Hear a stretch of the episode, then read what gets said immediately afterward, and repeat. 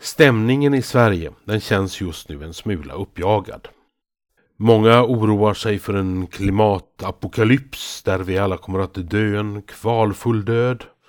Andra oroar sig över en asylinvandring som kan komma att fälla välfärdssystemen och hota den västerländska civilisationens humanism och värderingar. Att polisen inte klarar av att ge vanligt folk skydd mot andra som vill skada dem, det är också en stressfaktor. Eller det faktum att vi inte har något trovärdigt försvar mot yttre fiender i en allt mer osäker värld. Listan den kan göras mycket, mycket längre. Och allt det toppas med ett irriterat, grinigt och stressat politiskt tonläge. Men själv är jag optimist, faktiskt. Allt kommer att bli bra. Men bara om vi slutar jaga upp oss. Panik, skräck, ilska, sorg, uppgivenhet och irritation. Det är dåliga sätt att hantera problem. De avleder vår energi från det vi kan, det vi bör och det vi kanske måste göra.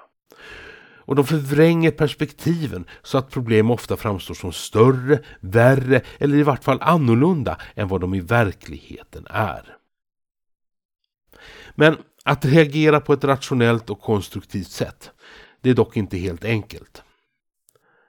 Problemet är att vår första reaktion nästan alltid är känslomässig. Sådana känsloreaktioner de förstärks ofta av att vi själva och människor i vår omgivning hetsar upp oss. Därför måste vi stanna upp. Ta ett djupt andetag, lugna ner oss så att vi kan skapa plats för logik och förnuft. Tennisspelaren Arthur Ashe har tillskrivits följande devis. Start where you are. Use what you have. Do what you can. Alltså, börja där du befinner dig. I verkligheten. Betrakta saker och ting för vad de verkligen är utan att övertolka och utan förutfattade meningar. Använd sedan de verktyg som står till ditt förfogande.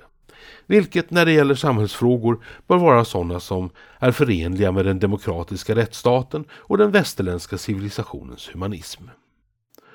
Och gör sedan vad du kan för att förändra saker till det bättre istället för att bara gräva ett allt djupare känslomässigt hål. Start where you are, use what you have, do what you can. Vi får helt enkelt hantera problemen i takt med att de dyker upp. Vilket vi kan göra steg för steg, dag för dag och på område efter område istället för att bli överväldigade av hot och problem som kanske ändå inte går att lösa i ett enda trollslag.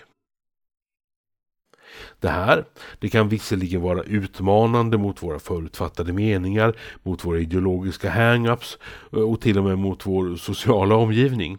Men inte desto mindre så måste vi handla logiskt, rationellt och baserat på verkliga förhållanden. I vart fall om vi vill kunna hantera de utmaningar som kommer och som alltid kommer att komma i vår väg. Och om det är detta val som vi gör, ja, då kommer allt, eller ja, i vart fall det allra mesta, att bli bättre.